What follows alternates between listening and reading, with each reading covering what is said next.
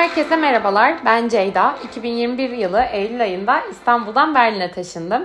Günlük hayatta karşılaştığım olaylar üzerinde konuştuğum podcast serime hoş geldiniz.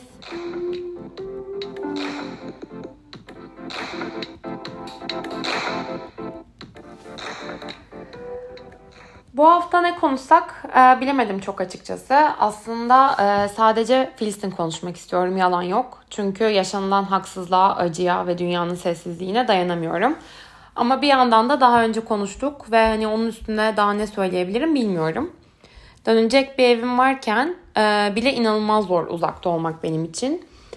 E, böyle insan kendi zorlandığı duygularda bile ne kadar ayrıcalıklı olduğunu anlıyor bazen dönecek evi, ülkesi olmasının ne demek olduğunu anlıyor insan. Ve belki biraz da kıymet biliyor. Ee, Filsin hakkında konuşmayacağım. Dediğim gibi çünkü söylenmeyen ne kaldı bilmiyorum. Üstelik e, ne kadar kişinin umrunda ya da e, bizim umrumuzda olması neyi değiştiriyor onu da bilemiyorum. E, anlayacağınız biraz e, dünya hakkında hayal kırıklığına uğramış e, bir yerden konuşuyorum sizlerle. Ee, gerçekten dünya her türlü kötülüğe kılıf bulabiliyor ya da gözünü kapatabiliyor. Ee, unutuyoruz bazen. Sadece e, bazı hayatlar önemli ve yaşamaya değer bulunuyor bu dünyada. E, geçen sene ya da önceki sene miydi? Ukrayna'dan sonra konuşmuştuk işte spikerlerin burası Orta Doğu değil, ölenler sarı saçlı mavi gözlü insanlar dediklerini ve böyle tekrardan tokat gibi aslında değersizliğimizin yüzümüze çarpışını. E, şimdi ölenler beyaz değil diye mi kimsenin umrunda değil e, diye düşünüyor insan. Şimdi biraz anlamsız kalacak geri kalan vakitte konuştuğumuz her şey. E, isteğim uzak mesafe, aile, arkadaşlık yani aslında uzaktan devam edilen tüm yakın sosyal bağlar üzerine konuşmak. E, ya da konuşmaktı. Ama öyle bir başladım ki sanırım bu konuyu sonraki haftalarda tartışacağım. E, şu an hazırladığım bölüm yerine kaydederken e, ani bir kararla başka bir konu üzerine konuşma kararı aldım.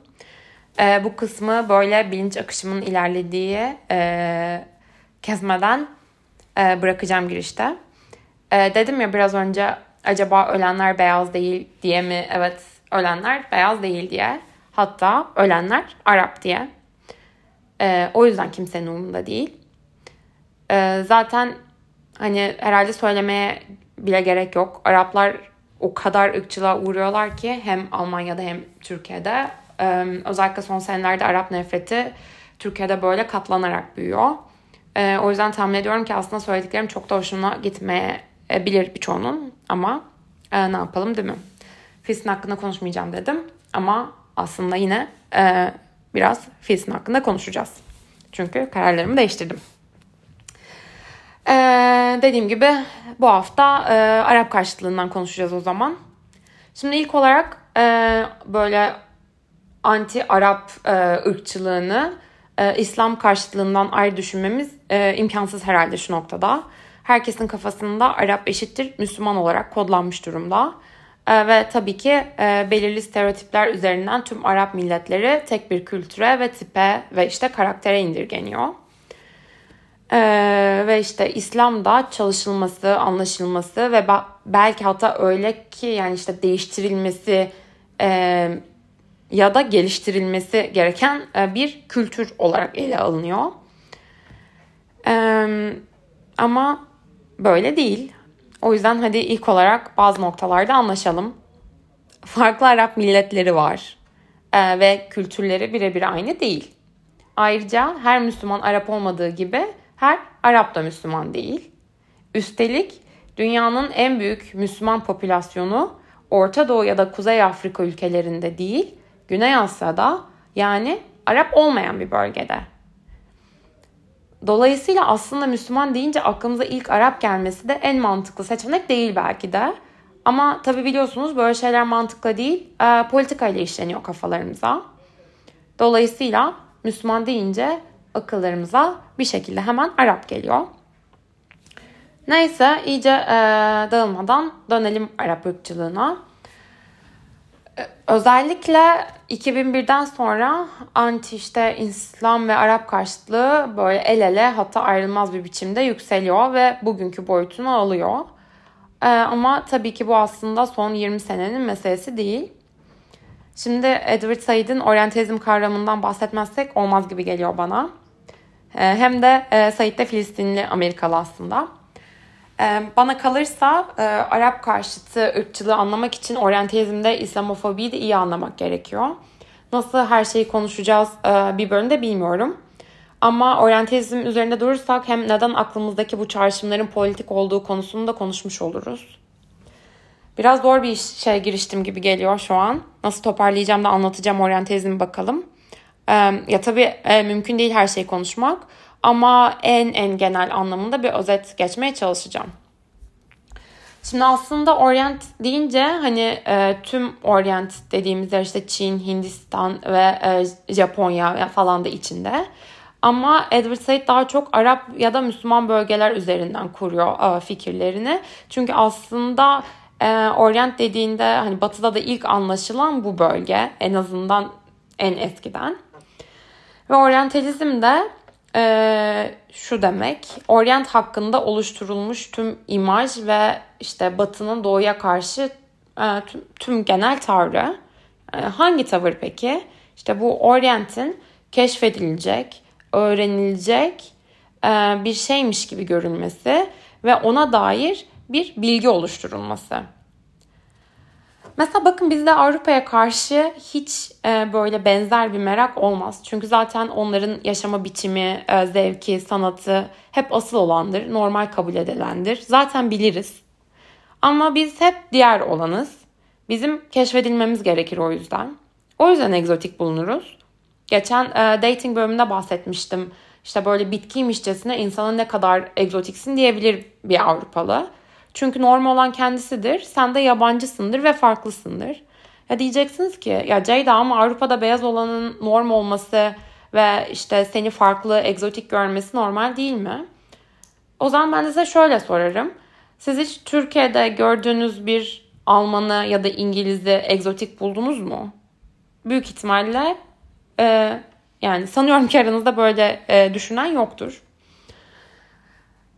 Geri dönüyorum hemen e, oryantalizmin tanımına. Dediğim gibi Batı'nın e, Doğu'ya karşı tavrı, tutumu, onu anlama biçimi. Doğu ve Batı böyle keskin çizgilerle kültürel olarak ayrılıyor akıllarımızda.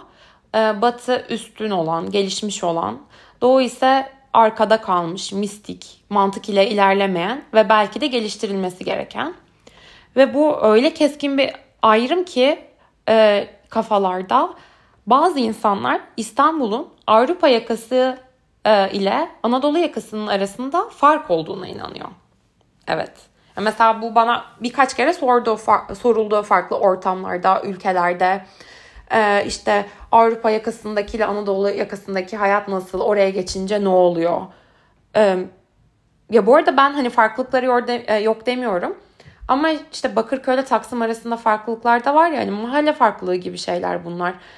Ee, biri Avrupa kıtası üzerinde olduğu için daha gelişmiş, diğeri Asya kıtasında olduğu için e, başka bir hayat biçimi var değil yani. Düşünün e, insanların hayalindeki işte böyle doğu batı sınırının keskinliğini bir köprüyle hayat biçimimiz değişiyor sanıyorlar. Öyle bir imajinasyon var yani kafalarında. E, bu sınırın batısında kalanlar medeni, mantıklı, rasyonel, bilim sahibi. Doğusundakiler ise gizemli, mistik, erotik. Erotik derken mesela işte şey örneğini verebiliriz. Ee, eski Avrupa ressamlarının e, harem resimleri.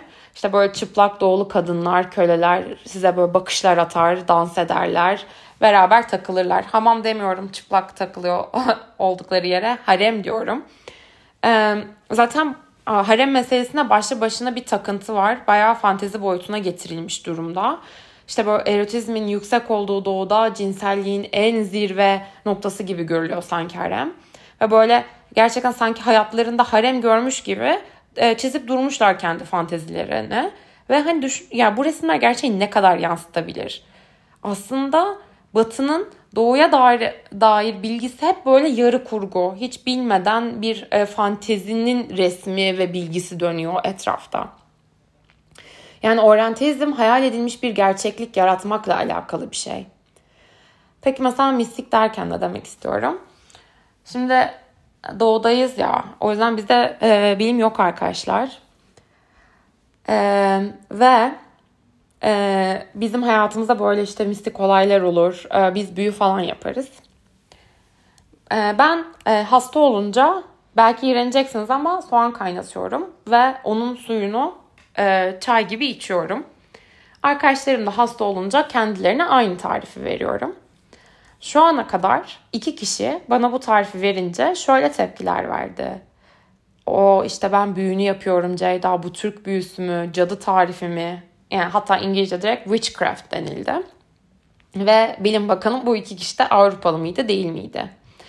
Yani C vitamini almak için portakal yemek gibi e, iyileşmek için işte ilaçlardan yoğun miktarlarda aldığımız belirli maddeler e, sebze meyvelerin içinde de oluyor ya. Onları tüketmek o yüzden bağışıklığımızı yükseltebiliyor.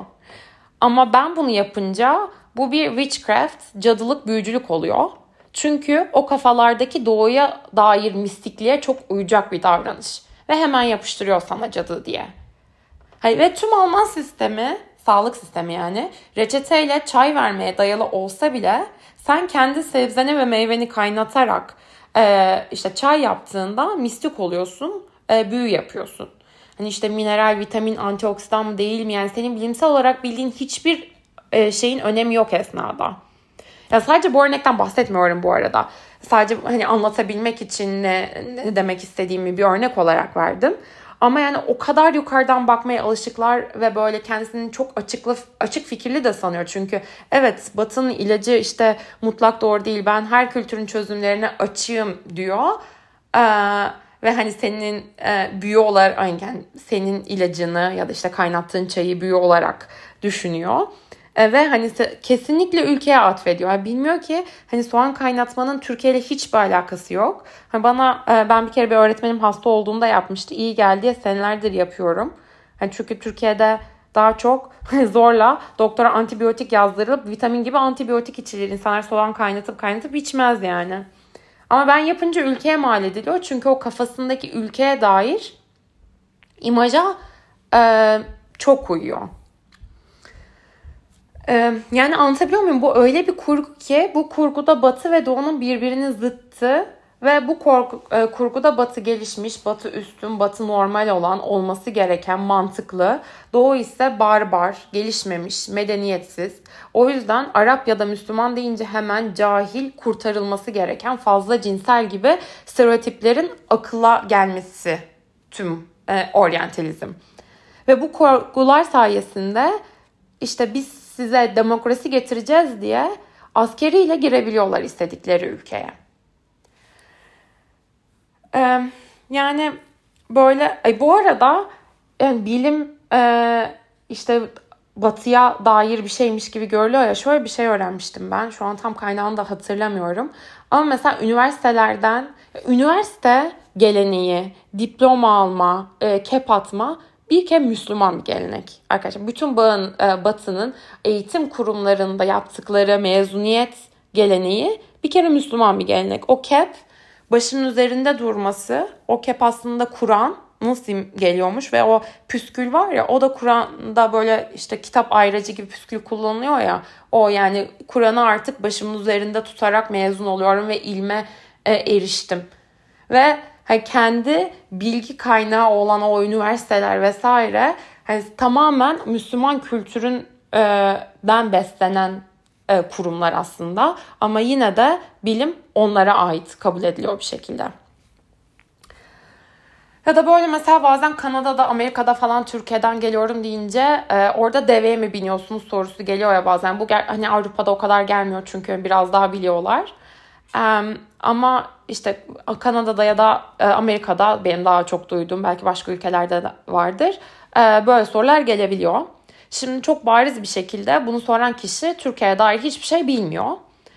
Ama Orta Doğu'da olan bir ülkeye dair e, tahayyülleri var. İşte hemen aklına gelen işte çöl, gelişmemişlik, develer bu e, kavramlar aklına geliyor hemen. Ve e, bu tahayyül bu bilgi birikimi kafasında çektiği işte oryantalizmin sonucu. Bu kişi farkında olmadan yıllarca maruz kaldığı film, müzik, edebiyat, resimlerin sonucunda bir resim çizmiş Orta Doğu'ya dair kendisinde. Belli ki Ya ben de bu kadar gelişmiş bir ülkede yaşıyorum. Dünyada çok az insan ulaşabildiği kaynaklara sahibim ve benim bu kaynaklara sahip olmamın sebebi diğer insanlardan daha önceler e, öncesinde benim ülkemin bu kaynakları zorla almış olması demiyor. Bu kaynakları kullanıp iki dakika araştırma yapayım, bir şeyler öğreneyim de demiyor ve cahil kalıyor. Ama bir şekilde sanatın, akademinin, basının onun çizdiği işte resim kafasında kalıyor ve sana böyle bir soru sorabiliyor. E, bilmiyorum biliyor musunuz ama bazen şöyle bir geyik oluyor. İşte e, filmlerde Orta Doğu'dan herhangi bir ülke gösterilirken sarı renge geçiliyor ya. İşte Netflix Orta Doğu sarısı deniyor hatta. İşte sonra böyle birden bir kadının gözleri böyle fal taşı gibi açılıyor ve böyle çok gizemli bir hava yaratılıyor. Yani hala aktif olarak filmlerde bu imajlar yaratılıyor ve tabii ki sadece e, coğrafyaya değil, e, dair değil bu yaratılan fikirler. E, insanlara dair de fikirler yaratılıyor. İşte mesela Orta Doğu erkeği tehlikelidir hep akıllarda. Kadın ise pasif ve zavallı. Bastırılmıştır çünkü. E, ve bayılır beyaz erkek e, o yüzden Orta Doğu kadınının kurtarıcısı olmaya kahraman olur çünkü. Onun sayesinde kadın başını zorla kapatmaz. Ama kendi ülkesinde okumak isteyen kadının başını açmaya zorlayınca o kadının özgürlüğünü kısıtlamış da olmaz. Öyle bir ikiyüzlülük yerseniz ama hala kahraman.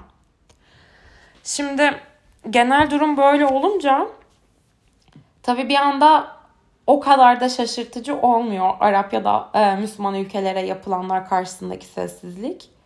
Teker teker e, içinden geçildi hepsinin yani. Filistin'de ya da işte güvenli bölge oraya gidilen denilen refah bombalanıp onca çocuk ölünce dünyanın ayağa kalkmaması bu yüzden. Ya da e, uluslararası adalet divanı işte orada bir soykırım gerçekleşiyor olabilir. E, dikkat edilmesi falan lazım dendiğinde de hala bütün dünyanın e, ayağa kalkmaması yine bu yüzden. Evet Hayır bu arada aslında bir de şöyle bir durum da var. Filistin'de sürpriz sürpriz Hristiyan bir komünite de var. Ve tamamen yok sayılıyorlar. Çünkü böyle işte kafalarda oluşturulmuş, kurgulanmış Orta Doğu fikrine ait değil orada Hristiyanların olması. Bu arada bu grup tabii ki çok kalabalık değiller ve gittikçe sayıları azalıyor. Malum işgal altında yaşamak kolay değil. Yani çünkü bu dünkü mesele de değil. 80 küsür senedir e, devam eden bir e, işgalin devamı e, bugün yaşananlar. Bu arada şeyi de unutmamak gerekiyor ya. Bu e, bahsettiğimiz topraklar aslında insanın doğduğu Hristiyanlığın ortaya çıktığı yer. Gerçekten Hristiyan ailemi şok. Aa, e, İsa beyaz değil miymiş? Orta Doğu'da mı doğmuş? Evet. Sürpriz. Neyse. E, dolayısıyla düşününce e, orada Hristiyanların yaşadığı e, gerçekten sürpriz bir bilgi olmamalı kimseye. E, ama varlıkları yok sayılıyor. Zaten bu kadar yok sayılmasalar e, sanıyorum ki Batı için e, Filistin'de yapılanlara bu denli sessiz kalmak çok daha zor olurdu. E, çünkü Müslümana yapılınca tabii ki daha rahat hazmedebiliyor insanlar. Evet yani acı gerçekler bir daha tokat. Ama e, orada ölen bir Hristiyan topluluk görünür oldukça e, Batı'nın İsrail'e desteği zora girer diye tahmin ediyorum. Dolayısıyla bu grubun görünmez hale getirilmesi kesinlikle bir takım politik hamleler ve kararların sonucu. Bu arada Batı dedik ama aslında e, herkes kendi işte bir doğusunda olana e, benzer tavırlarda. Aynı şekilde biz de Türkiye'de öyle. Ve tabii ki Türkiye'de de Araplara karşı bir ırkçılık var. Özellikle son yıllarda e, işte giderek ekstrem biçimlerde artan, artan bir ırkçılık. Tabii bunun son senelerde artmasının sebepleri birden çok ve çok ayrı. E, mesela şu an Türkiye'de gerçekten kimse Suriyelilere dayanamıyor noktasına gelmiş benim gördüğüm. İşte biz kapıları açtık aldık. E, her aldığımız mülteci için Avrupa'dan aslında para da aldık. Ama tabii ki savaştan kaçan bu insanlara pek bir şey sunamadık. Ee, ve hükümet tarafından politik piyonlar gibi görüldü bu insanlar. Bizim ülke koca bir haksızlıklar silsilesi olduğundan onlara sunulan her şeye e, sinirlendirdi bizi. Ama sunulmayanı çabuk unuttuk. e, ekonomik olarak zorladı bizi evet bu kadar çok göçmenin gelmesi. İşte çünkü genel göçmen denildiği zaman her zaman herkes her ülkede diyor ya e, gelip işlerimizi el, elimizden aldılar diye. Ama işte şeyi göremedik. İşler elden gitti çünkü bu insanlar çok daha az maaşlara, insani olmayan koşullara razı olmak zorunda kaldılar. Ve bu durumda asıl suçluyu unuttuk. Kimin sürekli mağdur edildiğini fark edemedik. Ee, ve mağdur edileni suçlamaya devam ettik. Ya da ne zaman hırsızlık olsa haberlerde ve bunu bir Suriyeli yapsa Suriyeli hırsız dedik. Suriyelinin altını basa basa çizdik. Ee, ve e, her geleni hırsız ve e, tacizci stereotipin altına koyduk. Bu insanların nelerden kaçtığını, neler yaşadığını unuttuk. Savaştan gelen insana yardım etmenin onu sadece ülkeye almak, sınırı açmak değil, e, bunun ötesine geçilmesi gerektiğini, düzgün politikalar gerektiğini ve bu yapılmazsa toplumda huzursuzluk çıkmasının olağan olduğunu e, bile bile yani bunların hepsini unuttuk ve sadece cansız bedenleri sahile vurunca vicdan yaptık. Biliyorum diyeceksiniz ki ama burada hayat felaket oldu. Elini kolunu sallayan giriyor. Ülkede herkese terör saçıyor. Ama neden herkes elini kolunu sallayarak girebiliyor? Neden doğru politikalar uygulanmadı? Neden hem bu insanlar hem bizler için beraber yaşamanın yolları bulunmadı? Doğru düzgün politikalar e, uygulanmadı? Bunların suçlusu kim? Bu huzursuzun suçlusu kim? Bir de tabii zengin Arap nefreti var. Söylemlerde şu şekilde. Her yer nargile kafe oldu. Onlar geliyor bavullarla alışveriş yapıyor. Biz açız. Bırak bir kıyafeti yemek alamıyoruz. E biz neden açız? Neden paramız yok? Bu kimin suçu? Hayır bir de bu zengin Araplar e, gelip bavullarla alışveriş yapıyor dediğiniz gelip harcamasalar ülkeye para bırakmasalar ne hale geleceğiz kim bilir. Ya da biz bu kadar fakirleştirilmeseydik o zaman da keşke istediğimiz kadar dışarıya çıkabilseydik. O zaman belki bizim zevkimize göre olan mekan sayısı da aynı kalırdı. Parası olana göre düzenlenmezdi servis sektörü. Kimin suçu? Nefreti kime yöneltmeliyiz? İyi düşünmek lazım. Bu arada bakın ben demiyorum ki işte Arap toplumlarında hiç sorunlar yok, problematik e, şeyler yok. Sadece kafalarda koyduğumuz yer ve tavrımızı nelerin beslediğinden bahsediyorum. Ve aslında toplumdaki huzursuzluklarda gerçek suçluyu hatırlamak gerektiğini söylüyorum. Evet, e, uzun konuştum yine bayağı. E, umarım kafamdakiler anlatabilmişimdir size. E, özellikle oryantalizm konusunu bir üniversite hocası gibi anlatabilseydim e, keşke. Çünkü aslında altı çok dolu bir kavram. Ama e, ben de okuyalı bayağı olmuştu. Böyle bir e, kolay da değil yani dediğim gibi anlatması. E, ama umarım dinlediklerinizden keyif almışsınızdır. Takipte kalın.